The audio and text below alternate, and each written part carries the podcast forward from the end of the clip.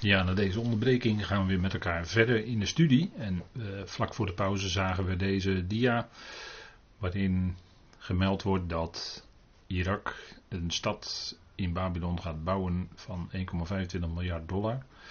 En misschien zal het in de toekomst nog wel meer worden.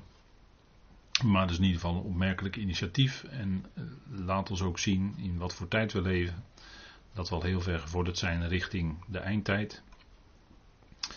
En de echte eindtijd gaat natuurlijk pas in als wij weg zijn, omdat dan de tijd van de genade voorbij is. Beheer van de genade is dan voorbij en dan gaat beheer van de dag van zijn verontwaardiging, die de dag van de Heer inluidt, gaat dan verder lopen.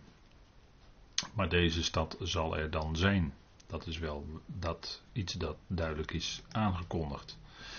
En we zien hier, en u ziet hier. Uh, ik heb hier ook een uh, fotootje van een schaakbord bij gezet.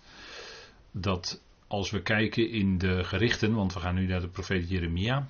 En daar nemen we een aanloopje richting Jeremia 50 en 51, die hoofdstukken waarin gesproken wordt over de val van Babylon. En waarin we ook dingen weer zullen tegenkomen, net als dat we in Jezaja al waren tegengekomen. Die ook in openbaring 17 en 18 staan, uitspraken, maar die werden dus ontleend aan bestaande profetieën. Dat is voor ons dan heel duidelijk geworden. Maar ook in Jeremia 50, 51 wordt ook profetieën gesproken die ook in openbaring 17, 18 geciteerd worden. Wat dus al bekend was, bekende uitspraken. En zo sluiten die op elkaar aan en wordt uitgebreid. Twee hoofdstukken lang. Het zijn lange hoofdstukken. Jeremia 50, 51. Jeremia profeteerde uh, in de dagen van diverse koningen, dat zullen we nog zien. Jeremia zijn naam betekent dat de Heer verheven is of verheven zal zijn. En dat is ook een prachtige illustratie natuurlijk, een prachtige heenwijzing naar de tijd van het koninkrijk. Als de duizend jaar hier op aarde draait, dan is de Heer, Jawel, is alleen verheven. En dat zegt ook de naam Jeremia. Hè? Ja zal verheven zijn, of ja is verheven. We zien een aanloopje naar die profetie, Jeremia 50, 51. Als we kijken in die eerdere hoofdstukken, uh, hoofdstuk 46, dan is het de profetie over Egypte. U kunt het natuurlijk allemaal makkelijk checken in uw Bijbel. Jeremia 47, dan gaat het over de Filistijnen, wat dan de huidige Palestijnen zou je die kunnen noemen, want die wonen daar in het gebied wat eigenlijk, uh, daar is eigenlijk de naam Palestina aan ontleend. Hè, het gebied waar ze nu wonen, want daar wonen ze, voorheen woonden ze daar ook, in de, vooral in de Gazastrook. Daar, uh, en daar is die naam Palestina dan aan ontleend, die de Romeinen toen op uh, het land Israël hebben geplakt, als zich afzetten tegen Israël. En ten diepste natuurlijk tegen de God van Israël, want dat zit er dan achter de Filistijnen, de Palestijnen en die zijn, uh, ja dat is natuurlijk een hele geschiedenis. In de eerste helft had ik het over het ontstaan van de, huidige Joodse staat. En daar ging natuurlijk heel wat aan vooraf. Uh, in, in, die, in die jaren uh, zei, zei men daar, ehm, nou Palestijnen gaan jullie maar weg uit Israël, want we gaan dat volkje de zee indrijven. We gaan het helemaal uitroeien, vernietigen, de zee indrijven. En dan als jullie, als dat gebeurd is, kunnen jullie weer terugkomen. Nou, dat lukte dus niet, dat gebeurde niet. En zo ontstond er een probleem met die groep mensen die daar uit Israël weg was gegaan. En uh, in feite was er toen ook al een, uh, zou je kunnen zeggen, een twee-staten-oplossing voorhanden. Namelijk de Joodse staat, waar de Israëlieten en Arabieren, en uh, die mochten daar natuurlijk ook wonen. Die wonen daar nog steeds, Arabieren. En ook andere nationaliteiten zijn, kunnen daar gewoon wonen in Israël. Alleen het bestuur is natuurlijk Israëlisch, is in eigen handen. Maar de Palestijnen, dus die vluchtelingen, Palestijnse vluchtelingen zeg maar, die, uh, en dat was helemaal geen volk, later is dat langzamerhand omgewerkt. Eerst waren het allemaal vluchtelingen, waren het allemaal vluchtelingenkampen en later is het allemaal omgewerkt tot uh, het Palestijnse volk, uh, wat eigenlijk helemaal geen volk is, maar goed. Zij, zij, en de, oplossing was dan dat zij in de bestaande staat Jordanië zouden kunnen wonen. Want daar wonen al heel veel van diezelfde mensen, de Palestijnen. En die, die hadden zich daar prachtig kunnen vestigen. Maar dat, uh, gebeurde niet en zo is, dat hele, is die hele problematiek die tot vandaag de dag voortduurt ontstaan. Goed, Moab. Jeremia 48 over Moab. De Moabieten, de vroegere Moabieten. En dan Jeremia 49 over Ammon. Nou, dus dan natuurlijk het gebied Moab, Ammon. Dan hebben we het over Jordanië. Het huidige Jordanië. Daar wordt ook profetie over uitgesproken. Dus de, Gods woord, uh, Jeremia trekt hier echt een cirkel, uh, zeg maar bijna rondom Israël van omringende volkeren. En daar zal allemaal een gericht op komen. Wordt allemaal besproken. Ook in Ezekiel kun je daar het nodig over lezen. In Jezaja, maar ook dus hier in Jeremia. Nou, Jeremia 49 vers 1 tot 6 over Ammon. 7 tot 22 over Edom. En Edom ligt daar ten zuidoosten van Israël. Tot, in die punt naartoe, hè, waar, die, waar ook een enorme stad wordt gebouwd. De stad Neom. En uh, sommigen dachten heel even dat, dat dat misschien dan Babel zou zijn. Maar dat is natuurlijk niet het geval. De stad Babel ligt in Irak. Onder, onder uh, Bagdad. En dat is van oudsher de plaats waar Babylon ook was. En daar is het ook nu weer. En we zien dus nu dat het ook eh, grote bouwplannen zijn. En dat, het, dat is beklonken. En dat het dus nu snel uitgebouwd gaat worden. Vervulling van profetie. Over Edom, dus de Edomieten, eh, nakomelingen van Esau. Hè. Is Edom. En uh, Arabieren zijn natuurlijk de nakomelingen van Ismaël, dat zijn de Ismaëlieten. Dus de controverse tussen Isaac en Ismaël, die is tot op vandaag aan de dag. Dan Jeremia 49, vers 23 tot 27 over Damascus. Dan hebben we het over Syrië. En Jeremia 49, vers 28 tot 33 over Kedar en Hazor. En dat zijn ook dan volken die in, dat, in het gebied liggen van het Midden-Oosten, direct in de omgeving van Israël. En dan Jeremia 49, het laatste stukje 34, 39 over Elam. En dat is eigenlijk een belangrijk deel van Perzië. Of het huidige Iran. Maar Iran is Perzië.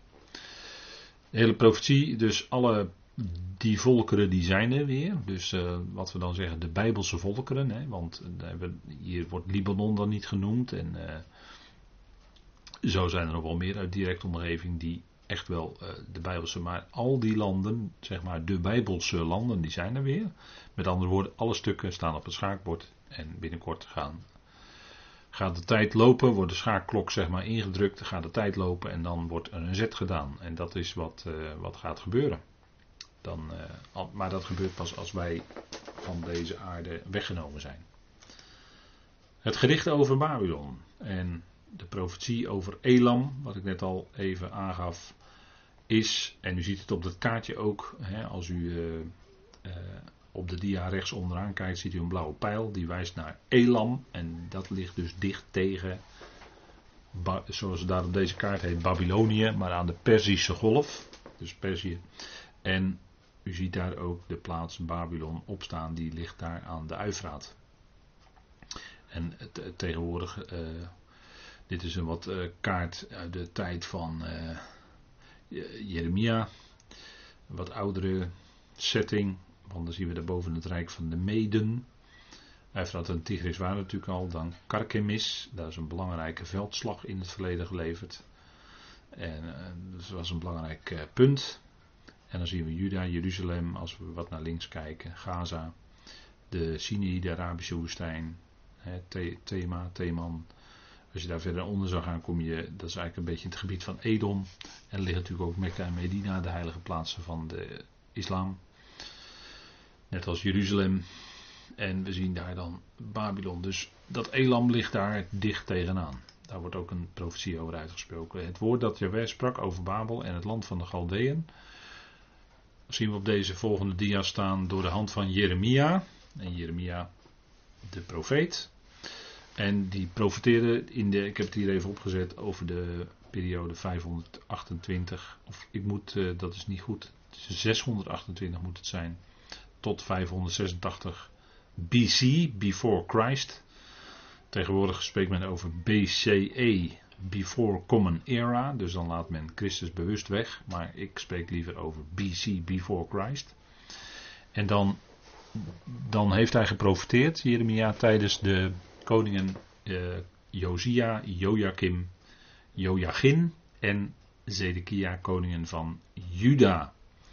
Want in 722, dus uh, ruim 100, of, uh, ongeveer 100 jaar voordat Jeremia begon te spreken, zijn optreden, werden de tien stammen door de Assyriërs weggevoerd in ballingschap. Dus we kunnen niet meer hier spreken over koningen van het noordelijke tien stammenrijk. Hè. Sinds Rehabiam en Jerobiam was er sprake van twee lijnen van koningen. Rehabiam voor Juda en Benjamin en een aantal van Levi. En de tien stammen die resulteerden toen onder Jerobiam en zijn opvolgers. U ziet hier rechts de god Marduk, dat is een van de belangrijkste goden van uh, Babel. Uh, misschien zou je hem wel een soort van oppergod kunnen noemen. Dat zij dat zagen als een soort belangrijkste god, wie ze veel uh, verschuldigd waren. Maar goed, dat heeft te maken met het volgende vers, want daar wordt hij genoemd. Jeremia 50, vers 2. Maak bekend onder de volkeren en laat horen en heft op een banier, laat horen en verbergt niet, zegt ingenomen is Babel, beschaamd gemaakt is Bel, verpletterd is Marduk, de schande gemaakt haar afgodsbeelden, verpletterd zijn haar drekgoden. En dit is natuurlijk eigenlijk ook profetisch. Hè, dit zou je natuurlijk kunnen toepassen op het feit dat Babel in het verleden ingenomen werd door de Mede en de Persen en later door Alexander de Grote, die ook Babel weer tot zijn hoofdstad maakte. Maar dit vindt natuurlijk ook zijn toepassing in de nabije toekomst, wanneer alle goden, afgoden van Babel die daar huizen, die zullen dan te kijk gezet worden en zullen blijken niets te kunnen uitrichten tegen de God van Israël. Bel betekent heer, ziet u op deze dia uit, qua uitleg erbij staan. Marduk is Merodach, dat is een van de hoofdgoden, afgodsbeelden. Die ook wel drekgoden door Jezaja worden genoemd. Hè? Drekgoden. Nou, dat is duidelijk. Terecht gezegd, drek, onnut. Kun je er niet van op aan kun je ook beter maar niet voor buigen, want ze, ze kunnen niet horen, ze kunnen niet, eh, die afgoden die kunnen niet horen, niet spreken, enzovoort, enzovoort. Laat staan dat ze een belofte kunnen doen die ze later kunnen vervullen. Dat is helemaal onmogelijk. De God van Israël, die claimt dat wel en die doet dat ook. En daarom is die God de werkelijke, ware, enige God. de Heer jullie God, beleiden zij, de Heer is één, he, Deuteronomium 6. Dan zegt de, zegt de Joden, die spreken het zo uit: Adonai Elohenu, Adonai Echad.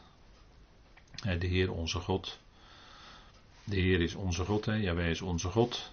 En de Heer, of Jaweh, is één. Is één God, Echad. En geen, niet meerdere, maar er is maar één God natuurlijk. Eén absolute God. De Vader van onze Heer Jezus Christus afgodsbeelden. Maar dit zijn afgoden. De Heer, Bel staat dan voor Heer en Marduk voor de, is de benaming voor de afgod. Daar was ook die Ziggurat, die je ook hier op dit plaatje ziet. In het midden zo'n soort tempelgebouw met de trapsgewijs naar boven opgebouwd. Dat was dan voor ter gelegenheid van uh, de verering van Marduk. En dat zal in de toekomst ook zo zijn dat Babel is ingenomen, verwoest en het is verpletterd. Zo zal het ook in de toekomst zijn. Hè? Dus dit is in feite al een profetie over wat in de toekomst gebeurt. Want, vers 3 van Jeremia 50 zegt, want trekt op tegen haar volk uit het noorden. Hij maakt haar land tot een woestenij en er zal niet een inwoner meer zijn van mens tot dier. Zij vluchten weg, zij gingen weg. En hier zien we een bekend eh, punt dat er een volk zal komen uit het noorden. Wie dat zijn, dat wordt verder niet aangeduid. Sommige uitleggers die denken dat het misschien zelfs wel de Israëlitische volkeren kunnen zijn. Nou, dat zou misschien kunnen, dat die uit ook uit het noorden uh, teruggeroepen worden. Of een volk uit het noorden wordt in 51 vers 48, u ziet het staan even, en 53, en maar ook in dit vers, vers en in vers 9 en 41 genoemd, uit het noorden. En waar ze dan ook vandaan komen, ook al zouden ze bij wijze spreken vanuit Egypte, Israël of een bondgenootschap uh, vormen en dan optrekken tegen Babel, dat, dat zou heel misschien kunnen. dan komen ze toch uit het noorden, want ze kunnen niet dwars door die zandwoestijn, woestenijen heen van uh, Saudi-Arabië. Maar die ze moeten dan trekken door de, wat we dan noemen de vruchtbare halve maan, dus zo bovenlangs naar beneden. En dan komen ze ook uit het noorden. En dat is dan de route die ze moeten afleggen. Die heeft Abraham destijds andersom ook afgelegd toen hij geroepen wordt uit Oer der Galdeën. Galdeën dus, hè, daar kwam Abraham vandaan. En hij vertrok naar het land dat God hem beloofd had. Het land wat we nu kennen als Israël, wat lang Palestina heeft geheten. Maar het land Israël, en daar kwam hij aan, maar die is ook die route gegaan. Via het noorden, via die route waar voldoende te eten is, ook voor de dieren, enzovoort, enzovoort. En om in leven te, te kunnen blijven uit het noorden, nou zo wordt het allemaal genoemd. Ik wil eentje bijpakken, eh, bijvoorbeeld Jeremia 3 vers 18 en er worden dan nog 1, 2, 3, 4, 5, 6, 7 teksten genoemd. Maar Jeremia 3 vers 18, laten we dat even met elkaar opzoeken. Dan zullen we dat vers als voorbeeld erbij lezen. Jeremia 3 vers 18. En daar staat in die dagen zal het huis van Juda naar het huis van Israël gaan. Tezamen zullen zij komen uit het land in het noorden, naar het land dat ik uw vaderen in erfelijk bezit gegeven heb. Dus zij komen dan in de toekomst ook uit het noorden dus naar Israël toe. En dat ziet ook op de vervulling als de, het nieuwe verbond wordt gesloten, want hier wordt gesproken over twee huizen. Het huis van Juda zal gaan naar het huis van Israël. En ze zullen komen uit het noorden. En ze zullen dat land dan alsnog als lotdeel in bezit krijgen. Staat hier, hè, Jeremia 3. Nou, er wordt gesproken over twee huizen. Die zullen dan natuurlijk onder het nieuwe verbond één worden. Het huis van Israël, de tien stammen. En zo worden ze vaak in de profetie genoemd. Het huis van Juda, de twee stammen. Juda en Benjamin. En een aantal van Levi woonden dan ook te midden van hen in dat, op de, in dat grondgebied. En zij zullen dan in dat land komen. Dus, en zo wordt het uh, heel wat keren besproken dat die twee huizen, Juda en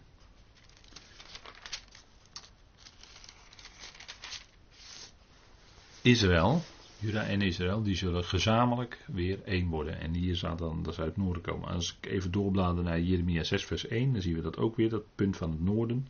Breng u in veiligheid, nakomelingen van Benjamin, uit het midden van Jeruzalem, blaas de bazuin in Tekoa. Geef een vuursignaal af boven Bet-Gerem. Want ziet, een onheil of een kwaad komt neer vanuit het noorden, een grote ramp. Of een breuk, een grote breuk staat er eigenlijk. En zo zal het komen uit het noorden, ook richting Israël, maar hier dan specifiek richting Babel, om Babel dus tot een woestenij te maken. Hij maakt haar land tot woestenij. En er zal geen inwoner meer zijn van mens tot dier. Zij vluchten, zij gingen weg. Het zal ontvolkt worden. En dat is een, een, een teken van dat het gericht is geweest. Alle, dan zijn de verwoestingen aangericht. De mensen zijn weg. En dan huizen er alleen dieren en vogels eventueel. Maar dan is, dan is de mens is vertrokken. En dat is dan ontzettend. En dat is die ontvolking als gevolg van het gericht wat God dan gaat brengen. Want dat gericht, dat oordeel, dat moet komen. Dat kan niet uitblijven. En, want in de openbaring 18 staat dat de zonden van Babylon opgestapeld zijn. Hè. Ze, ze, worden opgestapeld en op een gegeven moment ja, wordt dat zo hoog dat Gods verontwaardiging moet dan gaan blijken daarover.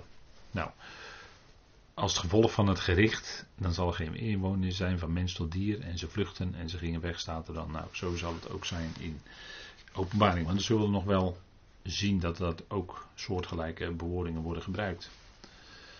En in die tijd staat er dan in vers 4, spreekt Yahweh, in die dagen en in die tijd, spreekt Yahweh, zullen zij, de zonen van Israël en de zonen van Juda, tezamen gaan en huilend zullen zij gaan en Yahweh, hun God, zullen zij zoeken. Wat zal het een geweldig moment zijn en wat zal dat het hart van Jaweh verheugen. Dat al die omstandigheden die ten diepst ook door hem gecreëerd waren, er toe hebben geleid dat dat volk Israël weer naar die God, die hun God is, gaan zoeken. Hun God zullen zij zoeken. Wie? De zonen van Israël en de zonen van Juda tezamen. En dat zal natuurlijk geweldig zijn, want dat is natuurlijk onder het nieuwe verbond. hè, waarin over, in Ezekiel gesproken wordt over die eenwording.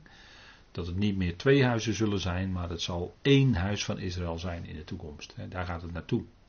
En ik heb op deze dia ook wat tekstverwijzingen daarna gezet. 3 vers 18 van Jeremia, wat we net al lazen. 23 vers 6, 30 vers 3, 31 vers 27 en 33 vers 7 wordt ook allemaal vermeld. En er wordt steeds gesproken over die twee huizen, Israël en Juda, de tien stammen en de twee stammen.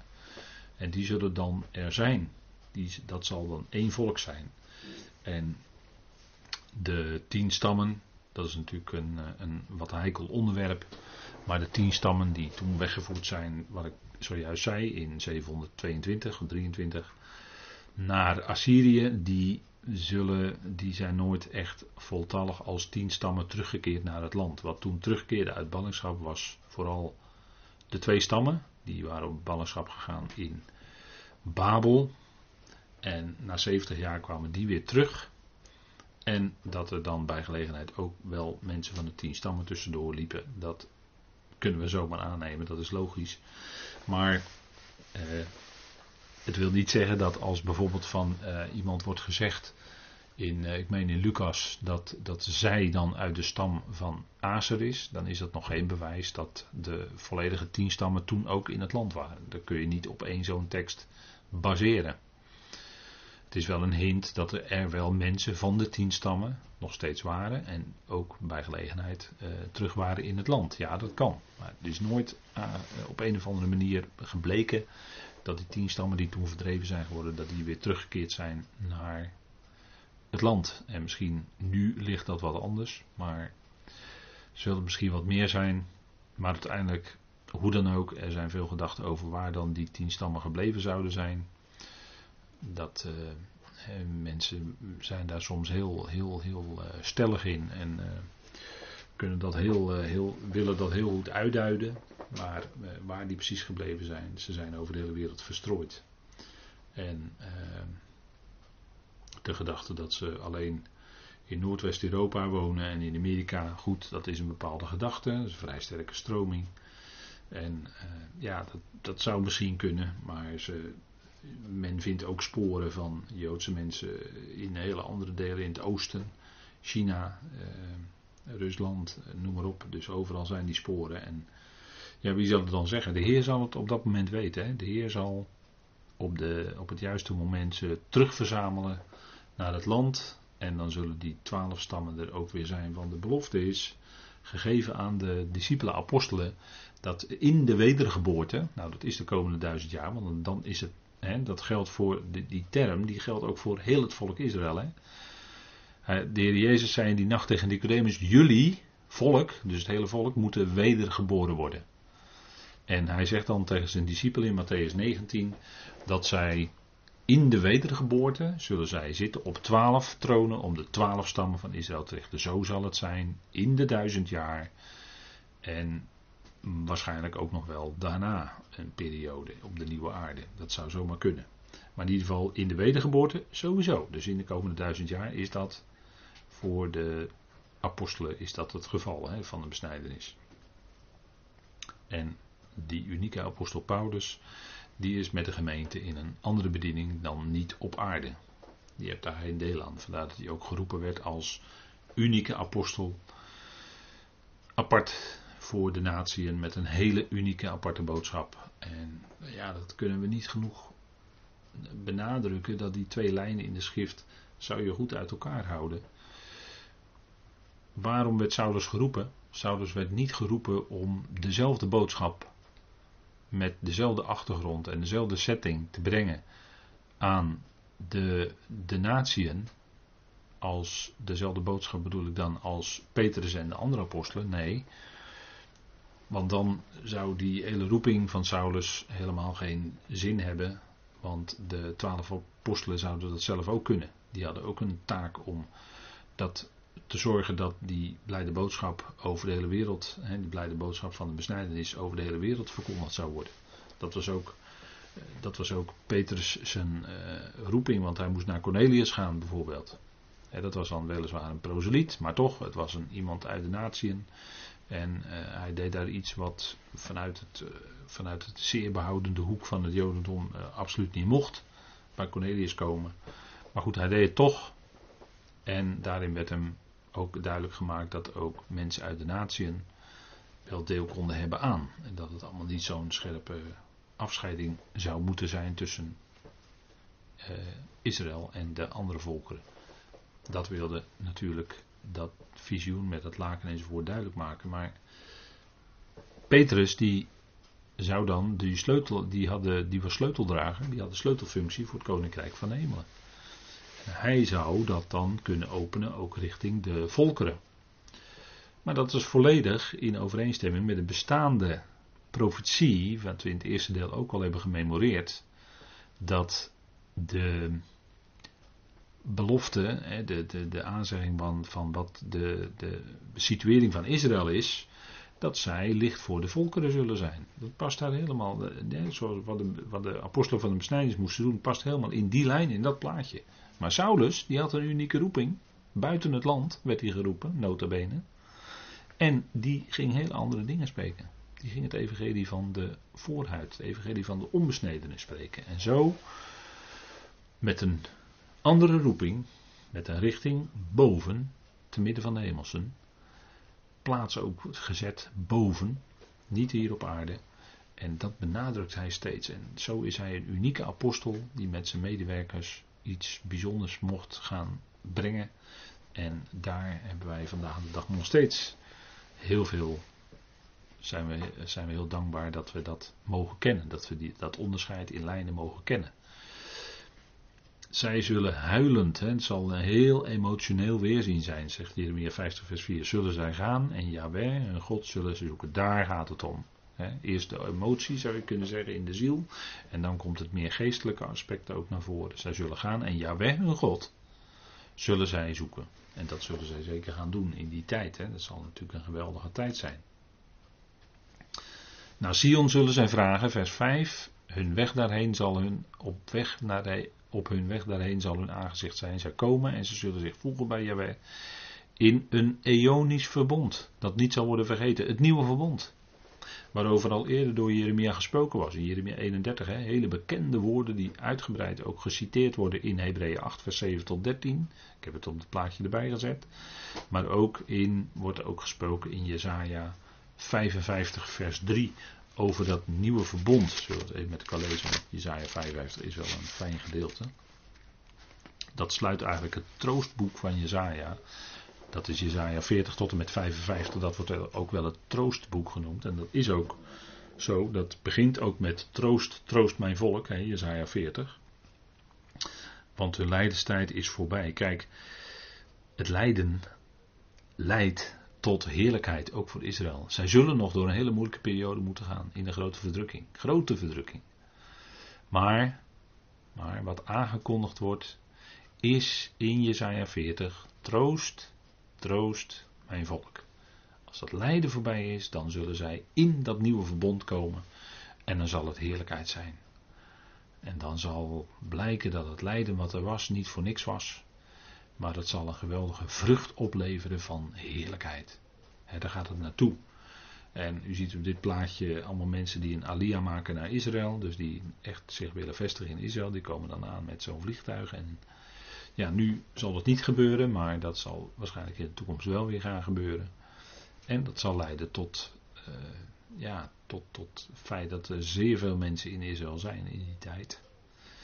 In de eindtijd bedoel ik dan, in de eindtijd waarin uh, dat, uh, die druk enorm groot zal worden. Dan zal het er heel erg op aankomen. Verplichte aanbidding van het beest en het beeld van het beest. En zo niet, dan word je gedood. Zeker als het gaat om het Joodse volk. Zeker. En Jezaja 55 zegt dan, dat is dan het slot van het troostboek van Jezaja, wat enorme troost ook zal bieden als het volk daar eenmaal is in het koninkrijk. Neig uw oor en kom tot mij. Dat haalde ik er net ook al aan. Hè. Luister en uw ziel zal leven. Vindt u het maar.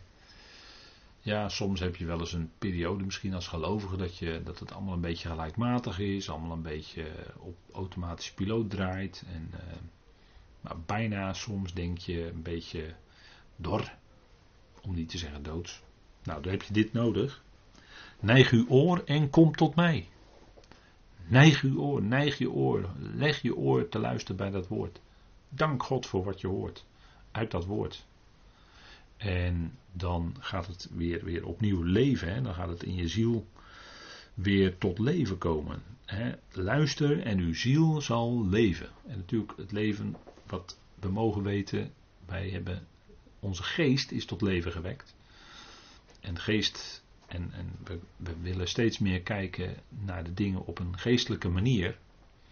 En maar van daaruit zou ook onze ziel die, die vreugde hebben. Hè? Al die emoties, vreugde, blijdschap, eh, verdriet, huilen, pijn, moeite, ondervinden. Eh, dat is allemaal in de ziel. Maar dat wat we geestelijk ontvangen hebben van God, zou, dat, eh, zou daar boven staan en, en, en het, het veranderen in toch in vreugde en blijdschap. Ondanks dat er best genoeg moeilijke momenten zijn. Maar dat, dat dit, ja, moet ik het zeggen, overal voor ons die kracht is waaruit je dan leeft. Dan wordt het de kracht waaruit je leeft. Dan leef je niet van het ene leuk iets naar het andere leuke iets. Maar dan leef je dagelijks vanuit de kracht van Gods woord, vanuit de kracht van zijn belofte. Vanuit die opstandingskracht die hij in ons geeft. En dat is geweldig. Hè? Dat strekt de Paulus zich ook naar uit. Dat we zo mogen komen tot de uitopstanding uit de doden. Dat is, wat is dat? Nou, dat is die kracht van zijn opstanding. Nu al, nu, in het dagelijks leven ervaren. Die vreugde, ondanks tegenslag, ondanks moeite, ondanks pijn, ondanks lijden. Toch die vreugde hebben in je hart. Ja, dat kan. Dat kan. Met misschien tranen in je gezicht. Over je gezicht. Maar toch, die Heer is nabij. En hij richt onze hoofden op en hij zegt: Het lijden van de tegenwoordige tijd weegt niet op tegen de heerlijkheid die over ons onthuld zal worden. Dat is ons uitzicht. Oh, dat is zo geweldig. Hè? Dat is zo geweldig. Kijk, dan, dan wil ik eigenlijk opnieuw beginnen in Jezaja 55 en dan is het, oh alle dorstigen, heb je dorst? Les hem bij Gods woord. Kom tot de wateren. En jullie die geen geld hebben, kom, koop en eet. Ja, koop zonder geld, zonder prijs, wijn en melk. Waarom weegt u geld af voor wat geen brood is en uw arbeid voor wat niet verzadigen kan? Luister aandachtig naar mij. Eet het goede en laat uw ziel vreugde scheppen in de overvloed. want de Heer Jezus zei ook dat hij kwam onder zijn volk om leven te hebben, dat ze leven zouden hebben en overvloed. En wij hebben nog meer. Wij hebben overstromende genade, overvloeiend leven, door de geest al ontvangen uit zijn geest is die liefde in ons werkzaam. En werkt door in ons leven, zodat we de Heer lief hebben. want Hij heeft ons eerst lief gehad en van daaruit kunnen wij Hem lief hebben, omdat Hij die liefde in ons hart heeft gelegd. En ook die ander kunnen we dan van daaruit lief hebben. lief hebben. God uiteraard ver boven alles, maar ook die naaste niet vergeten. Nou, Neig uw oor staat er dan in vers 3. Kom tot mij, luister en uw ziel zal leven. Want ik zal met jullie, en dan gaat het natuurlijk hier specifiek over Israël, een eeuwig verbond, een eonisch verbond sluiten. De betrouwbare gunst bewijzen aan David. En waarom is dit niet een eeuwig verbond? Omdat het, een, omdat het geldt binnen de eonen heeft God een verbond. En de verbonden hebben een functie binnen Gods plan van eonen. En alle verbonden die gesloten zijn, die hebben eigenlijk maar één bedoeling. Om te laten zien de onmacht van de mens en de totale overmacht van God. Dat God alleen in staat is om een verbond echt te houden. Wie is daartoe in staat? Wij niet, God wel. Maar in dat nieuwe verbond met Israël geeft hij zijn geest in hen. En door die geest kunnen zij wel zich houden aan dat nieuwe verbond. Maar dan is het ook niet meer dat zij zelf iets moeten doen, zeggen van alles wat u gesproken heeft zullen wij doen. Dat geldt allemaal bij het nieuwe verbond niet. Dat gold wel bij het oude verbond, maar bij het nieuwe verbond geldt dat niet meer. Bij het nieuwe verbond gaat het erom dat God door zijn geest in die harten van de Israëlieten, van alle Israëlieten werkt. En zo zullen ze hem liefhebben en zullen ze eh, door, de, door, door hem geleerd zijn, door God geleerd zijn. En ze zullen hem kennen. Ze zullen niet uh, langer elkaar hoeven toe te spreken van ken de Heer. Nee, ze zullen, ze zullen hem kennen. En zo zal het zijn. Hè? Een eonisch verbond, want het geldt alleen binnen de eonen. Na de eonen zijn er geen verbonden meer nodig, want dan is God alles in allen. Dan heb je geen verbonden meer nodig, is dat ook voorbij. Dat heeft een tijdelijke functie. Ook dat nieuwe verbond. God neemt, dat is wel een principe, God neemt het eerste weg om het tweede te stellen. Dat is een principe in zijn plan. En dat geldt dus ook voor oud en nieuw verbond. En ook voor oud en nieuwe schepping. Maar als God eenmaal alles in alles is, dan is alles in volkomenheid. En is dat principe ook niet meer nodig. Is ook overbodig geworden. En dat is, dan is het eindstation bereikt. En het eindstation van het plan van Ionen is het begin van de eindeloosheid. En dat kunnen we ons niet voorstellen. Geen tijd meer, geen ruimte meer in die zin zoals wij dat nu kennen. Al die beperkingen. Daar, daarvan, we zullen dan nog wel beperkingen hebben, maar de beperkingen die we nu hebben zijn veel groter dan dat dan nog zullen zijn. En dan uh, is het ja, eindeloos. Dat, is nooit, dat houdt nooit meer op. Het gaat niet meer mis in de toekomst. Eh, God heeft dan zijn doelen bereikt. Heeft zijn plan volvoerd. Zijn voornemen van eonen. En als dat volvoerd is, dan is het ook af. Dan is het klaar. Dan is het definitief. En dan zal er een nooit eindigende heerlijkheid zijn. Ja, dat is natuurlijk fantastisch hè. En, en als je in dat perspectief gaat kijken, dan kijk je anders dan dat je vroeger keek. Dan keek je met je zielse ogen naar de dingen. Maar nu kijk je, mag je met een geestelijk oog kijken en dan kijk je door de dingen heen naar de toekomst. De geweldige toekomst die hij gaat geven. Ja, dat is natuurlijk geweldig. Hè?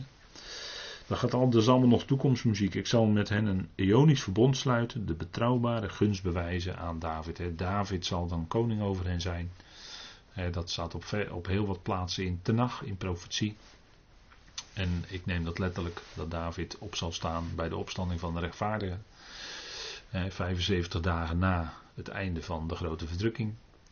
Dan zal David opstaan en uh, vele anderen met hem. Heiligen die ontslapen zijn in de voorbije tijden, die te maken hebben met Israël. Die zullen dan opstaan en die zullen dan tot leven komen. En leven in, die zullen dan eonisch leven hebben. Leven op de, deze aarde duizend jaar en op de nieuwe aarde. Zo zal, als u het mij vraagt, het zijn. Daar zijn aanwijzingen voor in de schrift. En dan denk ik toch dat deze de laatste dia moet zijn voor deze studie. En dan gaan we gewoon in de volgende studie weer rustig verder.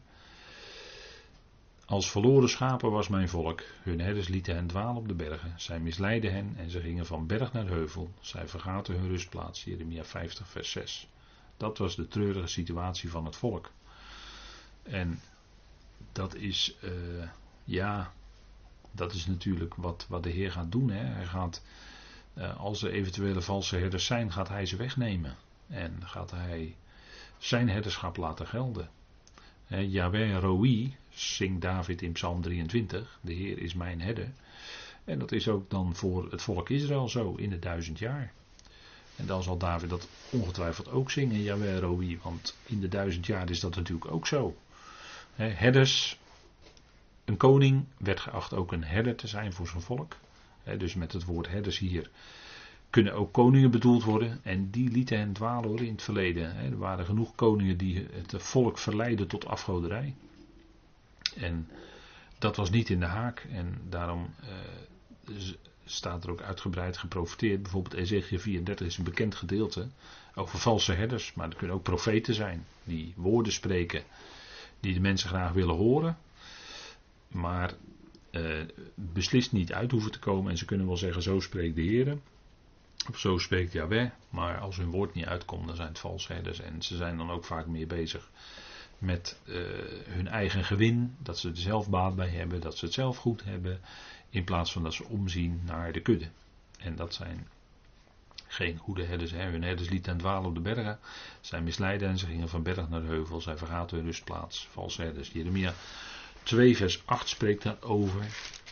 En dat wordt dan natuurlijk door de profeet gesignaleerd. En dan zou het volk dan verlangen moeten hebben naar, of zou het verlangen krijgen naar die ideale herder, dat is de Heer zelf, die hem wijden zal. De priesters, Jeremia 2 vers 8, de priesters zeiden niet waar is Yahweh. En zij die de wet hanteerden kenden mij niet. De herders kwamen in opstand tegen mij en de profeten profeteerden namens de Baal. Ze gingen achter dingen aan die niet van nut zijn. Dat is een kenmerk van valse herders. Hè? Het is, het is misschien allemaal, en zoals vandaag de dag wordt ook veel gesproken. En soms heel mooi gesproken, heel zalvend, met een bepaalde intonatie en noem maar op. Maar dan hoeft dat geen herder te zijn die, hoeft nog geen herder te zijn die echt helemaal betrouwbaar is. Want het gaat om dat een, dat, eh, ja, een herder, natuurlijk, Paulus spreekt ook over evangelisten, herders en leraren. Maar een herder die heeft als functie om te letten op de schapen, maar dat ook te doen met het woord. Want het is, het is allemaal, al die gaven die aan de gemeente gegeven werden en, nog, nu nog ook, want uh, apostelen en profeten zaten in het fundament, hè, als je naar de Efeze 4 kijkt. Maar dan heb je wel evangelisten, herders, leraars, ja, die worden aan de gemeente toegevoegd en die zouden, en dat zijn alle drie functies, om met Gods woord te werken. Met Gods woord werken. Dat, dat, dat zal ook een ware herder kenmerken. Dat hij met Gods woord werkt. Wat zegt het woord? Als er problemen zijn, wat zegt de schrift? En dat neerleggen en dat uitdragen. Ja, en of men dan altijd wel of niet naar horen wil, dat is natuurlijk wat anders.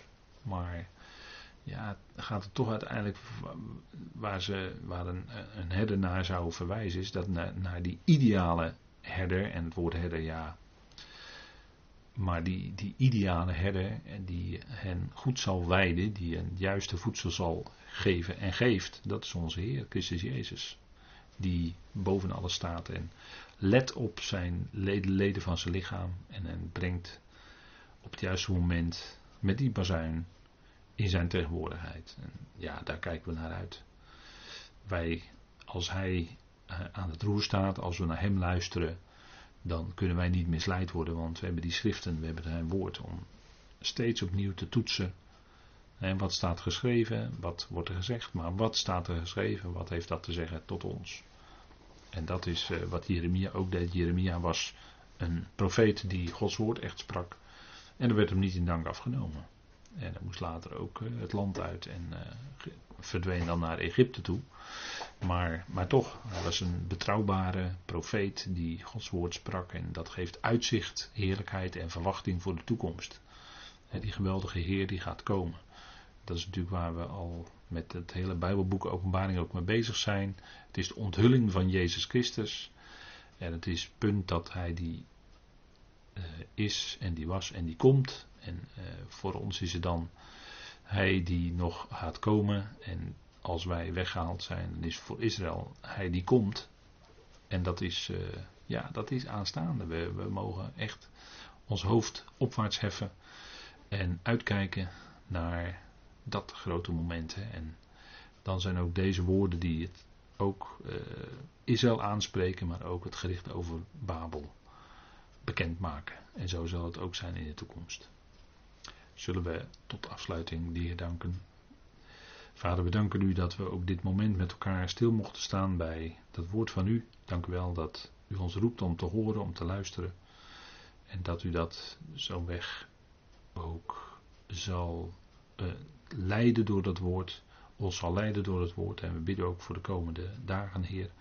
Wees ons genadig bij in alles wat we mogen doen. We leven in een bijzondere tijd waarin we elkaar niet rechtstreeks kunnen ontmoeten in samenkomsten en bijbelstudies.